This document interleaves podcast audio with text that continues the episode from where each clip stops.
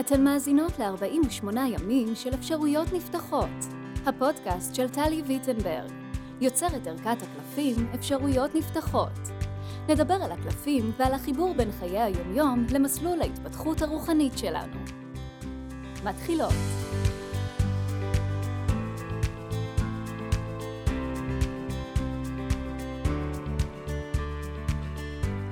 היי וברוכות הבאות לפודקאסט 48 ימים של אפשרויות נפתחות.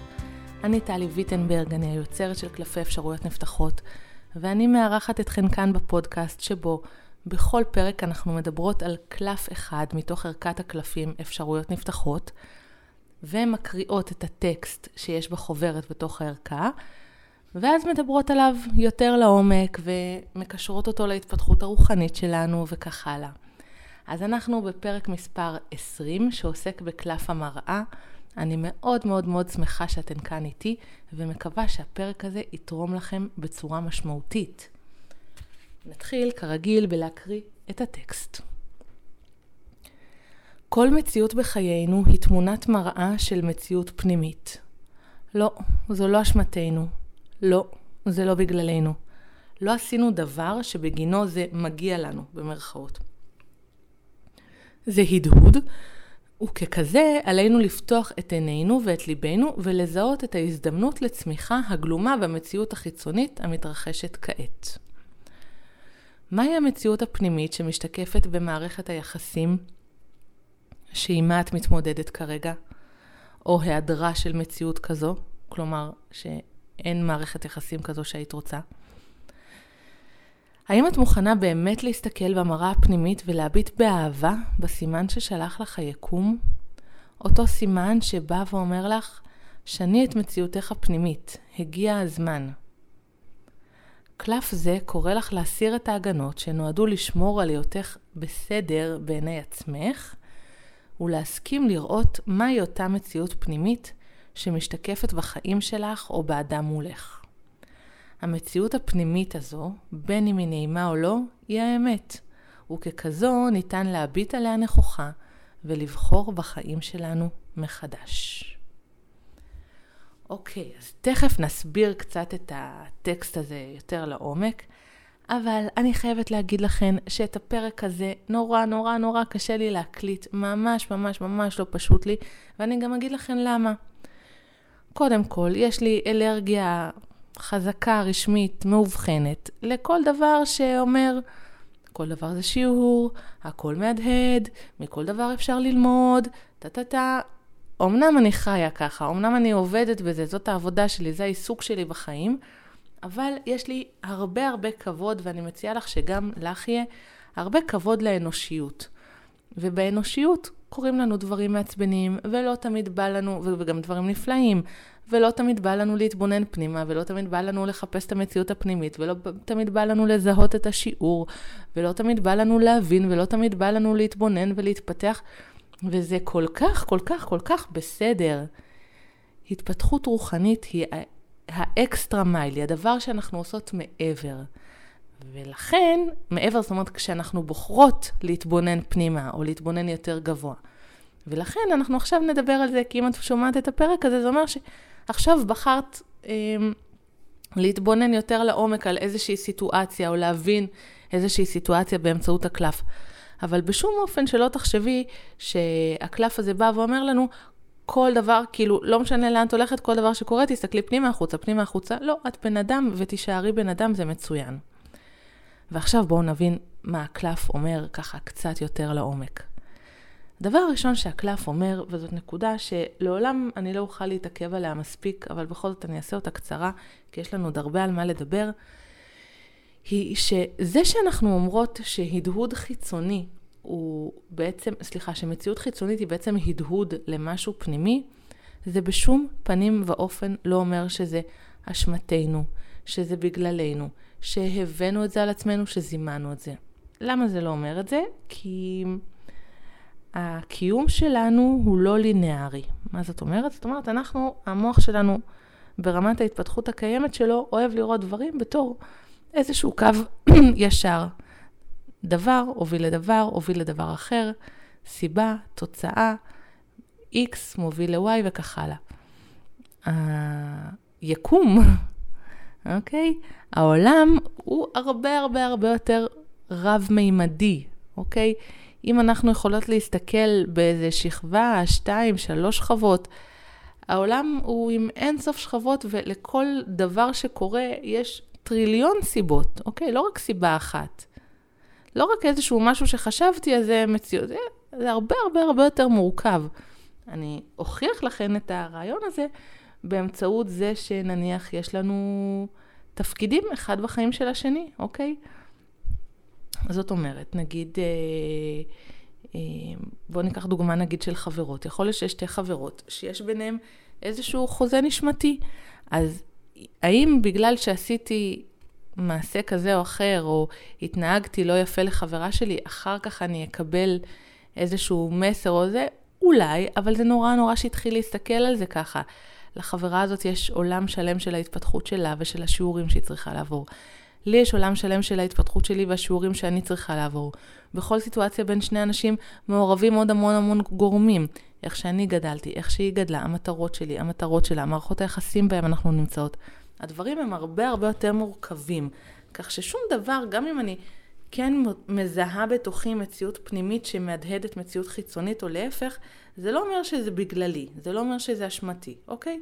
זאת פשוט הזדמנות, בעצם הקלף הזה לוקח אותי להזדמנות שיש משהו בחוץ שמפריע לי, להסתכל פנימה ולנסות לראות אולי אני יכולה לשפר את זה באמצעות התבוננות פנימה ועבודה פנימית ולא החוצה. set to, אוקיי? זה לגבי הנקודה הזו. אחרי שהבהרנו את הנקודה הזאת, אני רוצה לשתף אותך למה זה עוד קשה לי, כי אני מרגישה שיש כל כך הרבה אמת בדבר הזה. אני לא מרגישה, אני יודעת, וממש אני חושבת שמאוד מאוד קשה לגשת לזה. מאוד קשה לבוא ולהסתכל פנימה במציאות פנימית. נניח, אם אני אה, לא מרוצה מהבית שאני גרה בו, או אני לא מרוצה נניח ממשהו שקרה לי בעבודה, הרבה יותר קל להתבאס על משהו שקרה מאשר להיכנס פנימה ולהגיד, וואי, בפנים יש פה משהו לא שלם בדבר הזה. בעצם לקחת אחריות על החיים שלנו, לקחת אחריות על הפנימיות שלנו, לקחת אחריות על המעשים שלנו, זה דבר, אני מוצאת אותו לא קל בכלל. אחריות מלאה, לא, אני לא מדברת על אחריות להגיע בזמן או לבצע משימות. איזושהי אחריות אה, רגשית, אחריות עקרונית על מהויות, אוקיי? אז בגלל זה זה נורא קשה לי, וכאילו כדי להוכיח את הנקודה הזאת, כמה זה כל כך קשה לי, קרה לי הדבר הבא שלא תכננתי אותו, כמובן, תכף תביני, אבל הוא ממש בדיוק מדבר את הקלף הזה. הגעתי בערך, בעצם התחלתי להקליט את הפרק הזה קודם, זאת הפעם השנייה שאני מקליטה אותו. וממש אחרי שסיימתי להגיד כמה זה קשה לי להקליט את הפרק הזה, וכמה הנושא הזה הוא באמת באמת מאתגר, אני רואה שלא לחצתי על כפתור ההקלטה, ושבמשך אה, בערך 6-7 דקות דיברתי לעצמי. בשנייה הראשונה התעצבנתי, אבל בגלל שאני כרגע בתוך החומר, אמרתי, הנה, רצית, את, את מסבירה דוגמה, בואי, הנה הדוגמה. את לא היית שלמה עם להקליט את הפרק הזה, ובאמת לא הייתי שלמה עם להקליט את הפרק הזה. הנושא הזה הוא מאוד מאוד מאתגר בשבילי. אני יודעת שעל פניו זה נושא למתקדמים, וזה נושא כבר מאוד uh, פתור ולעוס. לכי תגידי לפני 30 שנה, 40 שנה למישהו, מה שבחוץ זה גם מה שבפנים, יחשבו שאת משוגעת. היום זה, אוקיי, כבר הרבה יותר, uh, כולנו מכיר, מכירות את זה במידה זו או אחרת, אז מה, למה אני עושה מזה כזה סיפור? ובאף פרק לא שמעתן אותי כל כך מוטרדת. אני חושבת שככל שאנחנו עולות ברמת התודעה, ועולות ברמת ההתפתחות הרוחנית, ומבינות את גודל ההשפעה שיש לנו על המציאות הפנימית, ומתוך כך גם על המציאות החיצונית בערבון מוגבל, כן? תמיד ההשפעה על המציאות החיצונית היא בערבון מוגבל, אל תשכחו. ואני חושבת שאנחנו מאוד גדלות באחריות, ו... ושזה קשה להכיל את זה. קשה להכיל עד כמה העבודה הפנימית שלי יכולה להשפיע על מה שקורה בחוץ. אז זה ככה, עד כאן הנאום הפרטי שלי על כמה זה מאתגר להתייחס לזה, אבל עכשיו בכל זאת נתייחס ונבין את זה קצת יותר לעומק. אז בעצם הקלף שואל אותנו, מהי המציאות הפנימית שמשתקפת במערכת היחסים שאיתה את מתמודדת כרגע? אם לדוגמה, אני חשה שבן הזוג שלי לא משקיע בי מספיק, לא מספיק אה, עוטף אותי, לא מספיק אה, אוהב, לא מספיק חומל. אגב, אני יכולה לדבר עליו פה חופשי, הוא לא, הוא לא מקשיב לפרקים האלה, וגם כשהוא לפעמים עורך לי אותם ועוזר להוסיף את הפתיח וככה את הסגיר, הוא עדיין לא מקשיב, אז אני ממש יכולה לדבר חופשי. והאמת היא שהוא דווקא כן, הוא כן משקיע והוא כן אה, אוהב ותומך ומפרגן והכל הכל. אבל אם הוא לא היה, או במקרים שבן הזוג הוא לא, הנטייה הטבעית ומה שיהיה לי קל לעשות, וגם אני עושה, אל תדאגו, להגיד הוא ככה, הוא לא ככה והוא לא ככה והוא לא ככה. הרבה פעמים כשאני אסתכל פנימה ואני אשאל את עצמי, האם אני תומכת בעצמי ככה, או האם אני תומכת בו ככה, או האם אני יכולה להכיל את התמיכה הזאת? הרבה פעמים אני אמצא שם תשובה. זאת אומרת שהרבה פעמים משהו שקורה בחוץ הוא איזשהו ביטוי כמו סרט כזה שמוקרן של משהו שבכלל קורה בתוכי. המציאות מאפשרת לי להתבונן על זה, אם אני רוצה גם לעשות שם למידה ואולי גם שינוי. ועכשיו אנחנו מגיעות לקטע שבעצם הרבה פעמים מתעתע בנו וגורם לנו אה, לא לרצות להסתכל על המציאות החיצונית כשיקוף של המציאות הפנימית או להפך. והקטע הזה אומר, האם את באמת מוכנה להסתכל במראה הפנימית ולהביט באהבה בסימן ששלח לך היקום? אותו סימן שבא ואומר לך שאני את מציאותך הפנימית הגיע הזמן. ובאמירה הזאת של הגיע הזמן אין בה נזיפה ואין בה האשמה ואין בה תלונה. יש בה משהו אחר, יש בה הרבה הרבה אהבה והזמנה לגדילה. בעצם, אם אני מבואסת מאוד שאני לא מוערכת בעבודה, וכשאני מסתכלת פנימה, אני רואה שאני לא מעריכה את עצמי בעבודה. הקול הזה בא ואומר לי, הוא לא אומר לי, זה בגלל איך שלא קיבלת העלאה כי טה-טה-טה. לא, מה פתאום. הוא אומר לי, בואי תסתכלי פנימה. עכשיו את יכולה להרשות לעצמך לגדול. את יכולה להעריך את עצמך יותר. את היוצרת של עצמך. הוא מחזיר את הכוח אלינו בהרבה חמלה ואהבה וגם באמונה.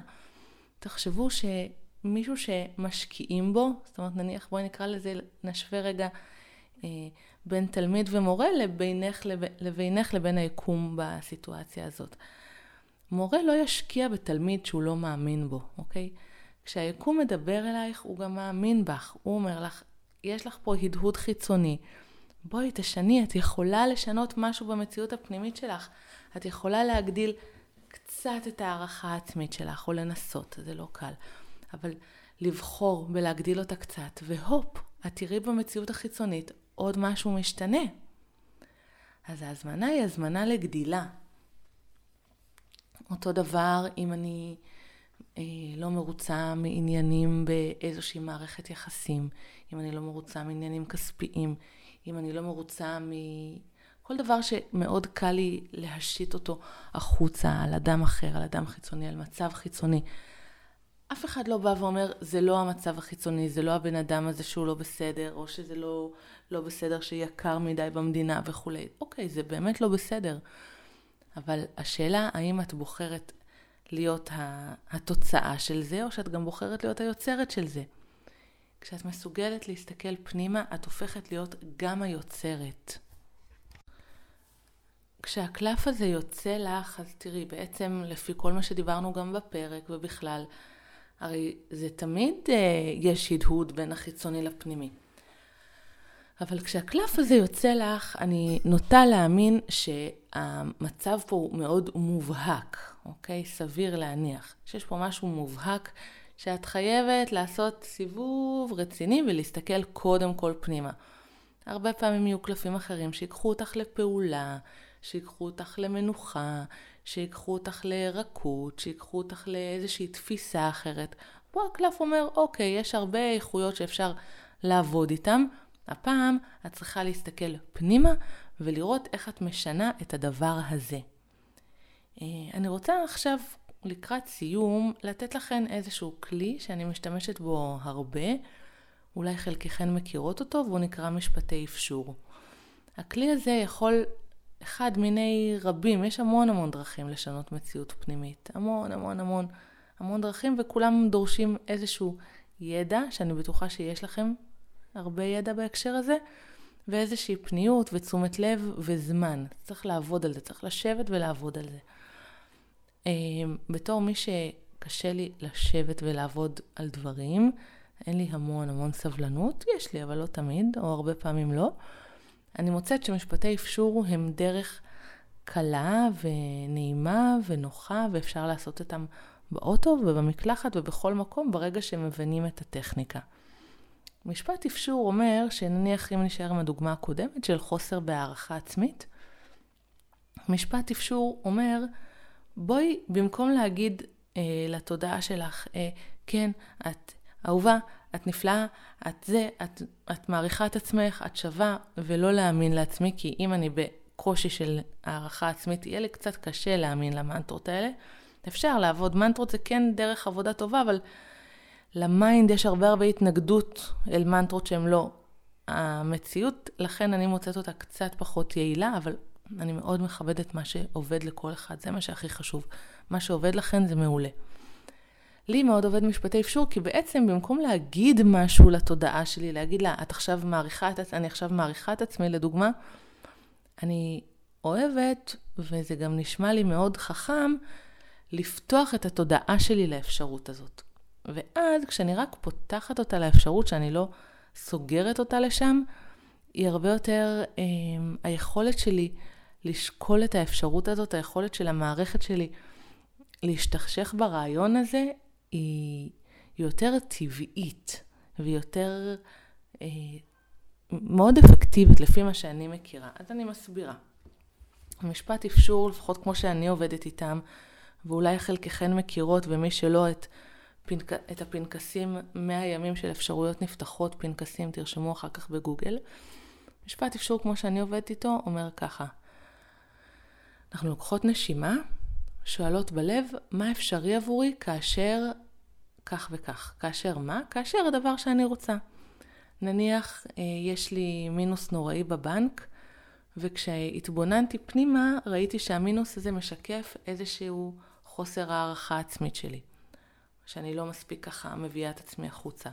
או שהסתכלתי פנימה וראיתי שהמינוס הזה משקף איזשהו חוסר אחריות שלי בלנהל את הכספים שלי. או שהסתכלתי פנימה וראיתי שהמינוס הזה מבק... אה, משקף לי איזושהי נדיבות יתר, נדיבות לב יתרה שפוגעת בי. זאת אומרת שאני נותנת ונותנת ולא משאירה לעצמי. אוקיי? כל אחת ואתן כבר יודעות את ה... זה אולי גם חשוב להגיד. הגוף שלכן, הלב שלכן, הם יודעים את התשובה. לא צריך ללכת למישהו אחר ולהגיד לו, אין לי כסף בחשבון, מה הדבר הפנימי, למה זה? ת, ת, תיכנסו פנימה, אתם תמצאו, או מקסימום תוציאו קלף, או תעשו באמת איזושהי שיחה עם עצמכם, אבל זה נמצא שם. יש הרבה טכניקות להגיע פנימה. זה אולי בכלל שווה פרק נוסף על הטכניקות למצוא תשובות בתוכנו. אם זה מעניין אתכם, תכתבו לי ואני אעלה פרק אה, בונוס כזה.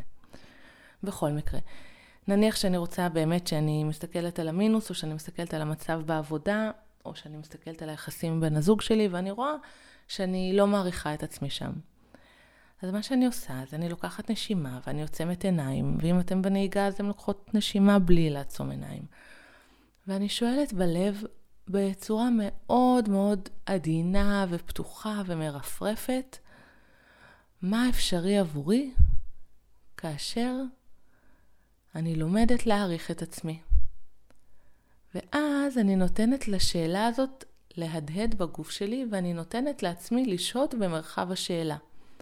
פשוט שואלת את זה. מה אפשרי עבורי כאשר אני לומדת להעריך את עצמי?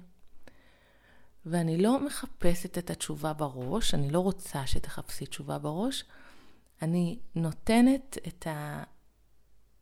נותנת את תשומת הלב שלי להרגשה הגופנית. וכל שאלה כזו מהדהדת לנו משהו בגוף. כל דבר מהדהד לנו משהו בגוף.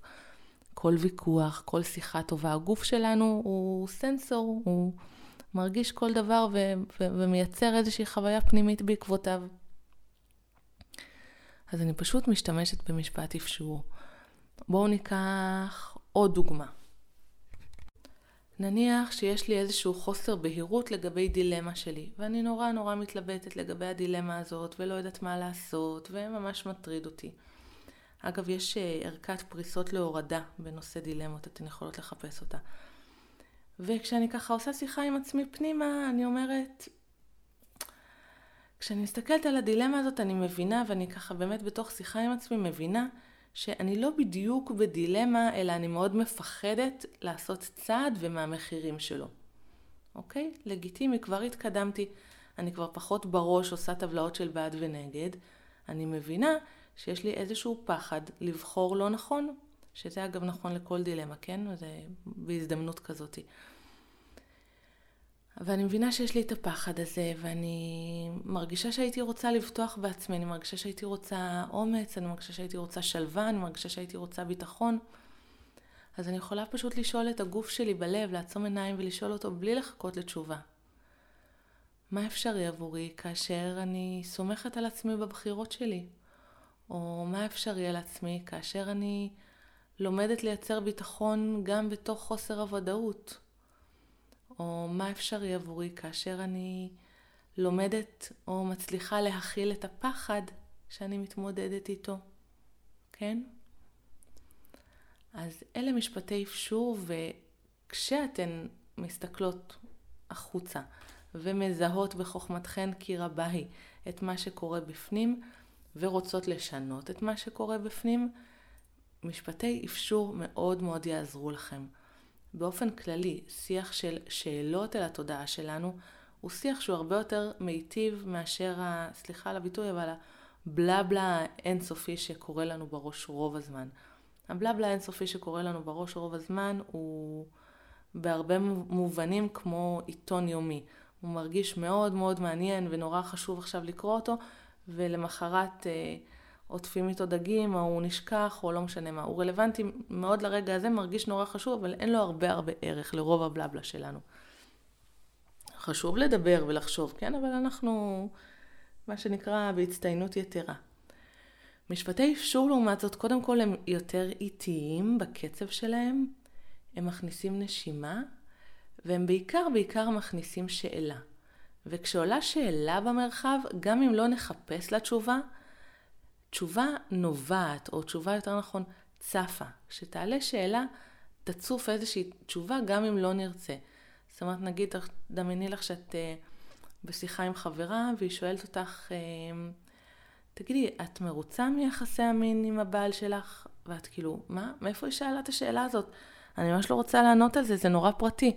אבל השאלה נשאלה, משהו בתוכך, אם תרצי או לא, מחפש את התשובה. אז אם כך, עדיף שנחפש את, שנשאל את השאלות שייתכן ויעלו את התשובות שאנחנו גם ככה מחפשות בתוך איזשהו שיח בלתי פוסק בראש שלנו, אוקיי? אמ, הדבר האחרון שאני רוצה להגיד, לחזור ולהגיד אותו לגבי קלף המראה, הוא האחריות. אמ, לקחת את האחריות אלינו פנימה חזרה, זה לא קל. זה באמת באמת לא קל. זה גם לפעמים מרגיש גדול מדי. אמ, זה יכול גם להרגיש בודד מדי, להיות אחראית על, על המסע שלי. אנחנו גם ככה אחראיות על המסע שלנו, אבל העוצמה של להסתכל פנימה ו- ולקחת את האחריות הזאת פנימה היא, גדולה. תחשבו בכלל על המילה אחריות. בעצם אחריות זה להיות אחראי על משהו אחר שקורה. בין אם נניח שאני אחראית על אה, עשרה עובדים, אוקיי? ואז עבר, אה, קיבלתי קידום זה או אחר, עכשיו אני אחראית על מאה עובדים. אחריות זה דבר שיש לו משקל. עם הזמן, אם זאת הבחירה שלנו בהתפתחות שלנו, ואני, זה משהו שאני אישית לומדת כל הזמן, לפעמים ממש בהצלחה ולפעמים ממש לא, עם הזמן בהתפתחות שלנו, האחריות שלנו גדלה, ויש איזושהי בקשה מאיתנו לחזק את המיכל הפנימי שמכיל אותה. לחזק את האמונה שלנו בעצמנו, לחזק את היכולות הרגשיות שלנו, לחזק את היכולות שלנו לייצר שינוי, לחזק את היכולות הקשבה שלנו וכך הלאה וכך הלאה. אז גם פה, להסתכל פנימה זה דורש איזושהי אחריות גדולה יותר על המפעל חיים שנקרא אני, על מפעל החיים שנקרא את. ואם את מרגישה את הקושי הזה עם האחריות הזאת, אז דעי לך שזה מאוד מאוד טבעי. וזהו, אני אסיים את הפרק הזה בלאחל לעצמך ולעצמי שאנחנו נחזיר אלינו אחריות ברגעים שמתאימים לנו, שאנחנו נסתכל, נעזר במציאות החיצונית כדי להסתכל בחמלה ובהרבה אהבה על המציאות הפנימית, ונראה את האמירה של היקום שבעצם אומר לנו, הגיע הזמן, את יכולה כבר לגדול, תשני את המציאות הפנימית ותגדלי. עד כאן לפרק מספר 20. אני הייתי טלי ויטנברג, ואני מאוד מאוד אשמח לשמוע אם אהבתן את הפרק הזה. אם כן, ואם תוכלו לכתוב לי על זה ברשתות, אם תרצו לשתף אותו, להעביר אותו לחברה אחת שזה בדיוק מה שהיא צריכה לשמוע. אני אשמח מאוד. תודה רבה ונתראה בפרק הבא.